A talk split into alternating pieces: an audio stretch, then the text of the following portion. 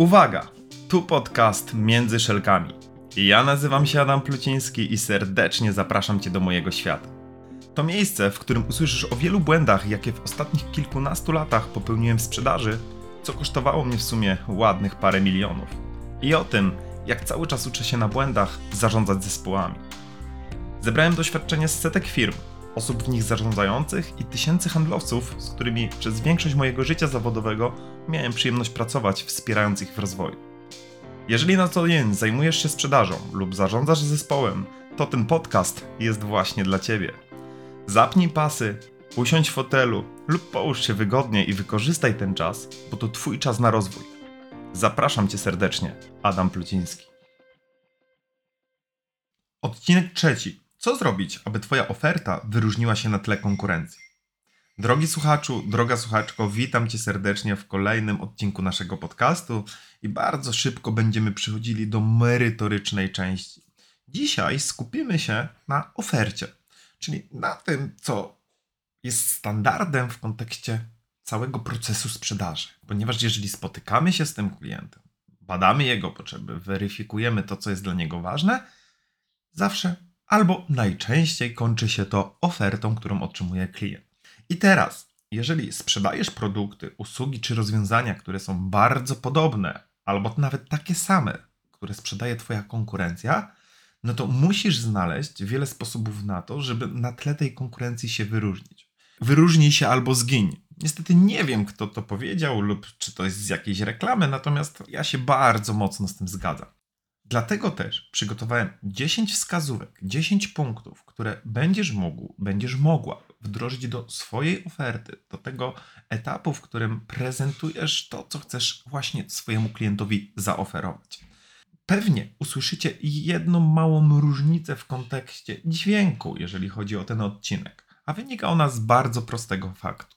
Ponieważ mój dwuletni syn Lucjan postanowił pomajstrować przy moim komputerze i zmienił mi ustawienia mikrofonu przed nagrywaniem tego odcinka. Sprawdzałem, da się go odsłuchać, więc zapraszam Cię serdecznie na merytoryczną część naszego odcinka.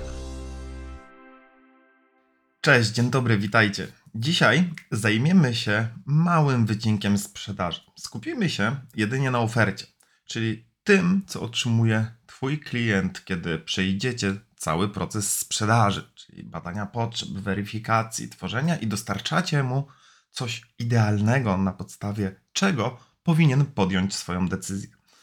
Skupimy się w tym odcinku bardzo mocno na tym, co zrobić, aby Twoja oferta wyróżniła się na tle konkurencji. Mam dla Was 10 wskazówek, czyli 10 punktów, o które warto zadbać. Dzisiaj będziemy bardzo konkretnie i bardzo szybko przechodzić przez wszystkie punkty, tak żebyście z nich wyciągnęli to, co dla Was wartościowe. No i tutaj, drogi słuchaczu, droga słuchaczko, pamiętaj, że w zależności od branży, firmy i tego, jak w ogóle macie zorganizowane ofertowanie, zastanów się, w jaki sposób możesz te wskazówki wdrożyć do swojej rzeczywistości. Nie ma idealnych ofert i idealnych rozwiązań, ale Twoja właśnie taka powinna być, żeby klienci decydowali się częściej na Twoją propozycję niż na propozycję Twojej konkurencji. A więc do dzieła. Punkt pierwszy, wskazówka numer jeden. To, jak wygląda Twoja oferta, ma znaczenie. Jeżeli sprzedajesz te same produkty, usługi co konkurencja, musi ona po prostu wyglądać inaczej niż u wszystkich. Spotykam się często z sytuacjami, gdzie ta przysłowiowa oferta jest zwykłą tabelką. Czasami jest to zwykły plik w Wordzie, w którym mamy wymienione najważniejsze rzeczy, cenę i to ile zapłacę. A czasami spotykam się z sytuacjami, w których ofertę dostaję po prostu w wiadomości mailowej.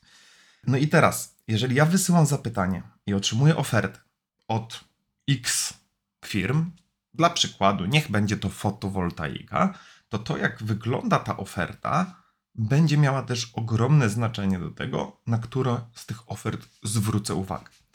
Wielu z nas jest wzrokowcami i oczywiście to, co widzimy, też kupujemy. I teraz, jeżeli nie dostarczamy fizycznego produktu, albo nie jestem w sklepie, tak jak y, mogę go dotknąć, obejrzeć, to ja muszę o takie doświadczenia zadbać u klienta. Więc jeżeli masz u siebie ofertę w zwykłym Excel, masz ofertę w zwykłym Wordzie albo wysyłasz ją w mailu, zastanów się, w jaki sposób możesz ją uatrakcyjnić, ale uatrakcyjnić dla klienta, tak żeby ona cieszyła oko i była twoim, Twoją pomocą w sprzedaży, a nie czymś, co tak naprawdę nie będzie miało większego znaczenia. Bo jeżeli będę miał dwie podobne oferty o podobnych cenach i jedna będzie wyglądała lepiej, oczywiście subiektywnie lepiej dla klienta, bo klienci zwracają uwagę na różne rzeczy, wybiorę właśnie to. Punkt numer dwa, czyli wskazówka numer dwa, co robi klient w pierwszym momencie, jak spogląda na Twoją ofertę. Oczywiście szuka ceny, bo chce jak najszybciej dojść do tego momentu, żeby zobaczyć, ile dane rozwiązanie, dany produkt czy dana usługa będzie go kosztować. Dlatego, jeżeli nie chcesz, aby klient zwracał uwagę tylko i wyłącznie na cenę, ale brał pod uwagę też inne aspekty tego, czego dostarczasz, tego, jakie wartości dla niego wnosisz, to nie umieszczaj jej ani na początku, ani na końcu samej propozycji. Warto umieścić ją gdzieś w środku, na którymś etapie, czy to na tym początkowym, czy na końcowym, bo chodzi o to, że to zmusi Twojego klienta do przeskrolowania oferty. Ja wychodzę z takiego założenia, że ceny nie daję ani na początku, ani na końcu, raczej w trzech czwartych mojej propozycji. To daje mi szansę na to, że klient jest w stanie spojrzeć na tą cenę e, dopiero w momencie, kiedy spojrzy też na inne rzeczy, które mogą go zainteresować, które mogą wpłynąć na to, że oprócz samej ceny wpłynie to na jego decyzję te aspekty i te rzeczy, które są interesujące, ciekawe albo które wyróżniają mnie na tle konkurencji. Ja całkowicie zdaję sobie sprawę, że sama oferta nie robi roboty, ale y, ona wspiera tą robotę i wspiera ten proces sprzedaży, który prowadzi. No to mamy wskazówkę numer dwa, więc lecimy do punktu numer trzy. Używaj w ofercie słów klienta. Co to oznacza? Oznacza to to, że lubimy ludzi, którzy są podobni do nas. Lubimy ludzi, albo szybciej z nimi się dogadujemy, kiedy jesteśmy, kiedy posługujemy się tym samym językiem. Co więcej, oferta, którą klient dostaje w tym języku, który dla niego jest codzienny albo którym się posługuje, będzie do niego bardziej dopasowania. Czyli będzie miał odczucie, że przystosowaliśmy to rozwiązanie dla niego i będzie czytając tą ofertę, czy też ją przeglądając, będzie miał poczucie, że to jest właśnie propozycja, na której mu zależało. No i teraz, używać słów klienta możesz w samej ofercie, czyli opisując dane produkty, odnosząc się do danych produktów, zmieniając pewne nazwy, czy też e, nomenklaturę, którą e, dany klient się posługuje. Ona powinna też być oczywiście dostosowana do branży i do danego klienta. Tylko czasami jest tak, że mamy systemy, no i typowa oferta jest tak zwanym szablonem. Czyli po prostu wprowadzam ją w system i generuję, załączam jako załączniki w do klienta, co wiąże się z tym, że często nie możemy wprowadzić żadnych zmian lub jest to bardzo trudne, bo wymaga to szerokiego procesu. Dlatego też to dostosowanie tych słów klienta możesz zastosować w mailu.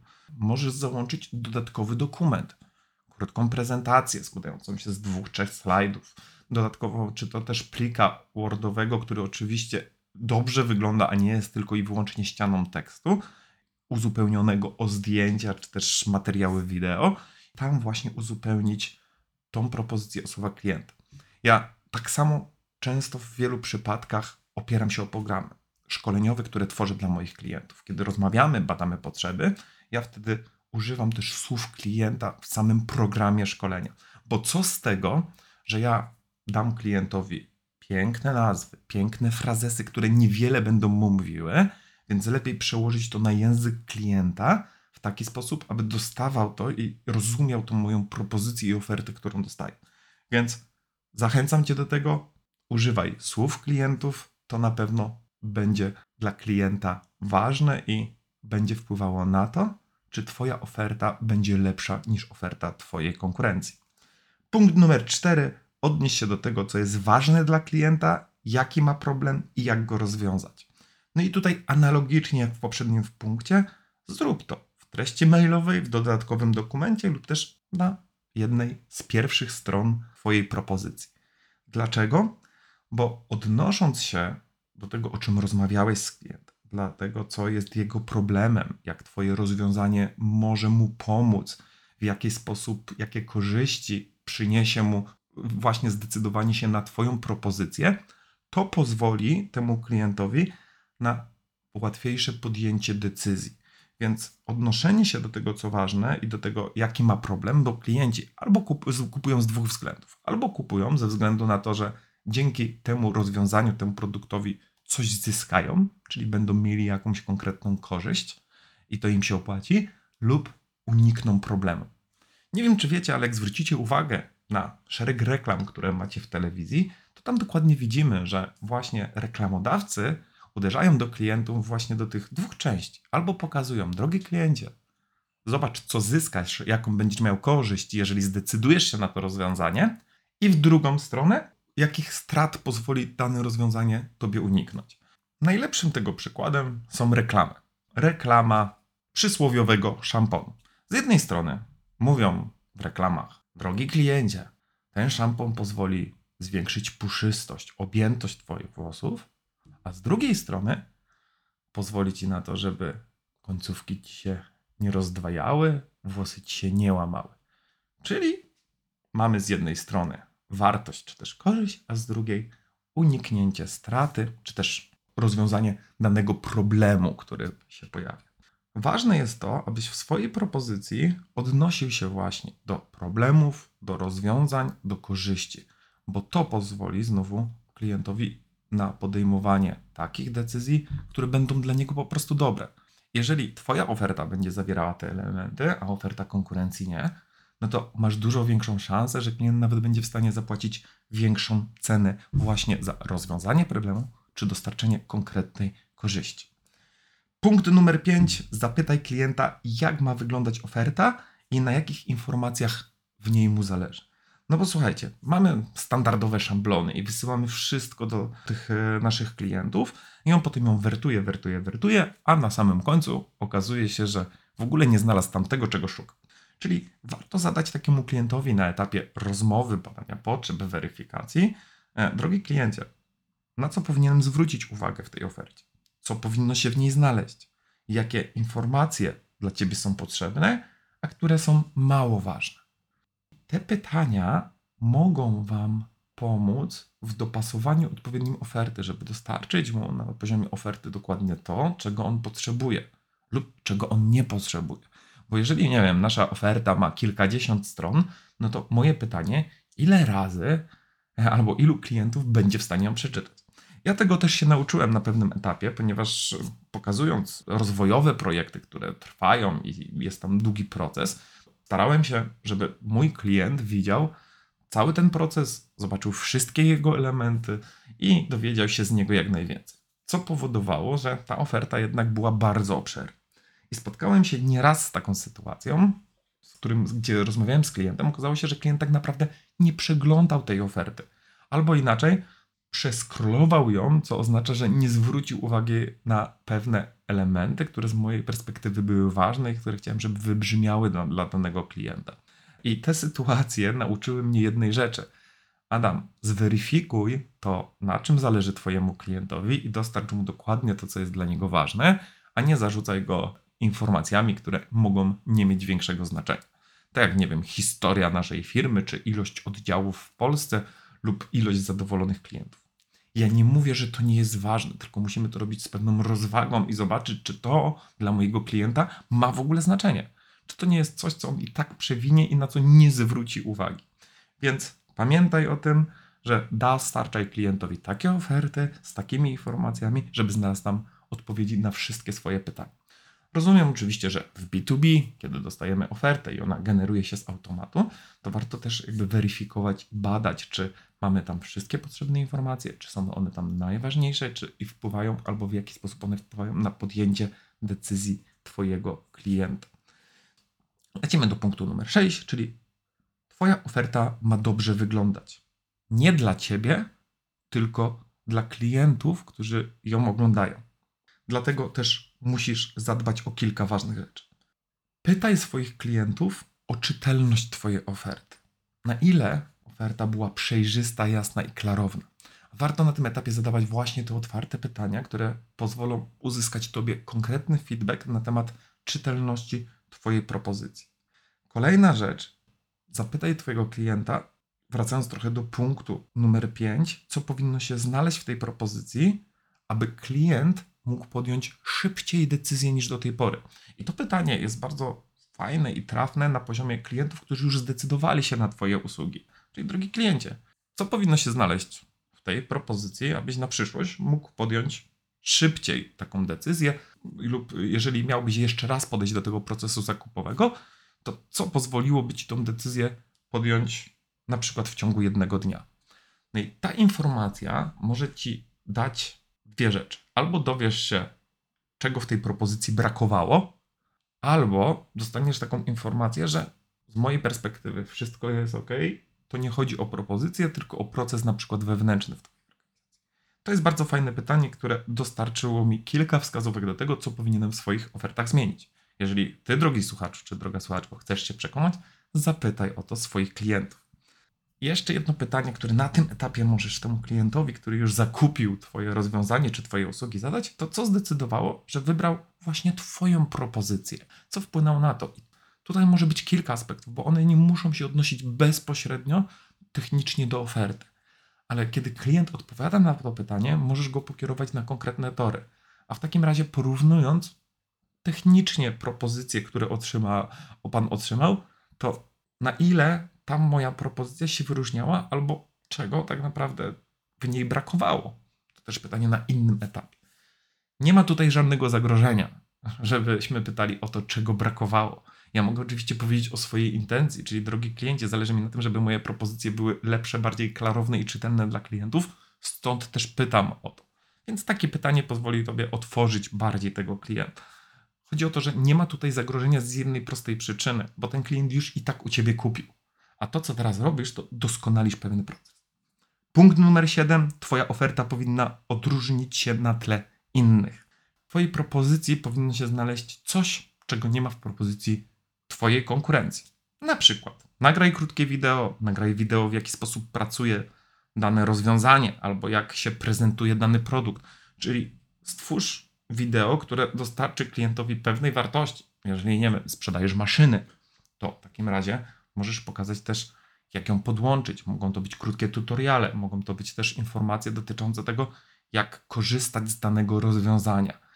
Lub też mogą to być wideo referencje Twoich klientów, czyli coś, co pozwoli Twojemu klientowi zobaczyć Twoją propozycję z innej strony. Inny przykład, załącz rekomendacje Twojego klienta, tak jak już wspominałem, czy to w formie wideo, w formie komentarza, który masz, które się pojawiły na Google, na Facebooku, które są wycięte, które są częścią oferty. Standardowe, zwykłe referencje oczywiście mają pewne znaczenie, ale wysyłają je wszyscy. A teraz, jeżeli ty to zrobisz w trochę inny sposób, może przynieść ci to większe korzyści. Kolejna rzecz. Nanieść logo klienta na swoją propozycję, aby ją spersonalizować. Możesz zrobić to już na pierwszej stronie. Możesz zrobić to jako załącznik do stopki tak żeby też klient otrzymując ofertę widział, że ona została stworzona specjalnie dla niego. Będzie ona bardziej zindywidualizowana. Kolejna rzecz, czasami możesz też pokazać klientowi, że dana cena w Twojej propozycji po pewnym czasie ulegnie zmianie, na przykład na wyższą. Tylko ważna rzecz, to nie ma być sztuczka czy też ściema, którą będziemy karmić klienta. Taka informacja, że oferta jest ważna 3-7 dni, ona już nie do końca tak działa. To znaczy, w dzisiejszych czasach mm, to, że oferta jest ważna 1, 3, 7 dni, wynika trochę z sytuacji rynkowej. Natomiast do tej pory często ta forma była wykorzystywana do tego, żeby przyspieszyć decyzję danego klienta. Tylko zaczęli robić to wszyscy. A jak robią to wszyscy, to znaczy, że no nie działa. Więc jeżeli chcesz to zrobić, chcesz pokazać, że w tym momencie jako nowy klient dostajesz ode mnie na początek lepszą cenę, bo to jest pewne rozwiązanie, standardowo ona będzie wyglądała w ten sposób, możesz to zrobić. Możesz pokazać, że jeżeli decyzję podejmie w ciągu trzech dni, będzie obowiązywała ta cena. Jeżeli po tym terminie będzie obowiązywała inna. Tylko ważna, bardzo ważna rzecz. Jeżeli klient wróci po tym czasie i powie, że chce tą propozycję tylko w tej pierwszej cenie, jeżeli się na to zgodzisz, to to po prostu było oszustwo. wcale nie pomoże Tobie w dalszych relacjach z klientami. Pamiętaj. Punkt numer 8. Daj wybór klientowi lub dopasuj propozycję w taki sposób, aby idealnie była dopasowana do tego, czego on potrzebuje. I teraz mamy dwie szkoły. Możesz dać klientowi więcej niż jedną propozycję, i tutaj uwaga, nie więcej niż trzy, a tutaj chodzi o kwestię decyzyjności, czyli e, czym większy wybór, tym proces decyzyjny może być dłuższy lub tym trudniejsze jest podjęcie dla klienta decyzji o danym rozwiązaniu. Więc ja nawet jestem zwolennikiem lepiej dwie niż trzy, jeżeli jest taka możliwość. Oczywiście jest to uzależnione od tego, co sprzedajesz w jaki sposób. Może to wyróżniać się trzema pakietami, gdzie są pewne dodatkowe rzeczy. Natomiast ważne, żeby klient był o tym świadomy, że takie jedną, dwie, trzy propozycje dostanie i on to zaakceptował, a nie, że będzie zaskoczony. Ja jestem zwolennikiem dawania takiego wyboru, że jeżeli mogę przeprowadzić bardzo dobrze cały proces sprzedaży i etap badania potrzeb, to ja jestem zwolennikiem dawania dopasowanego rozwiązania, czyli jednej konkretnej, najlepszej propozycji dla klienta, takiej dopasowanej. I to, drogi kliencie, jest dla ciebie. Czemu tak robię i dlaczego to jest dla mnie ważne? Dlatego, że jeżeli klient inwestuje czas na rozmowę, ja jestem ekspertem, doradcą, który podpowiada mu, na jakie rozwiązania powinien się zdecydować, to dlaczego dostarczam mu więcej niż jedno rozwiązanie?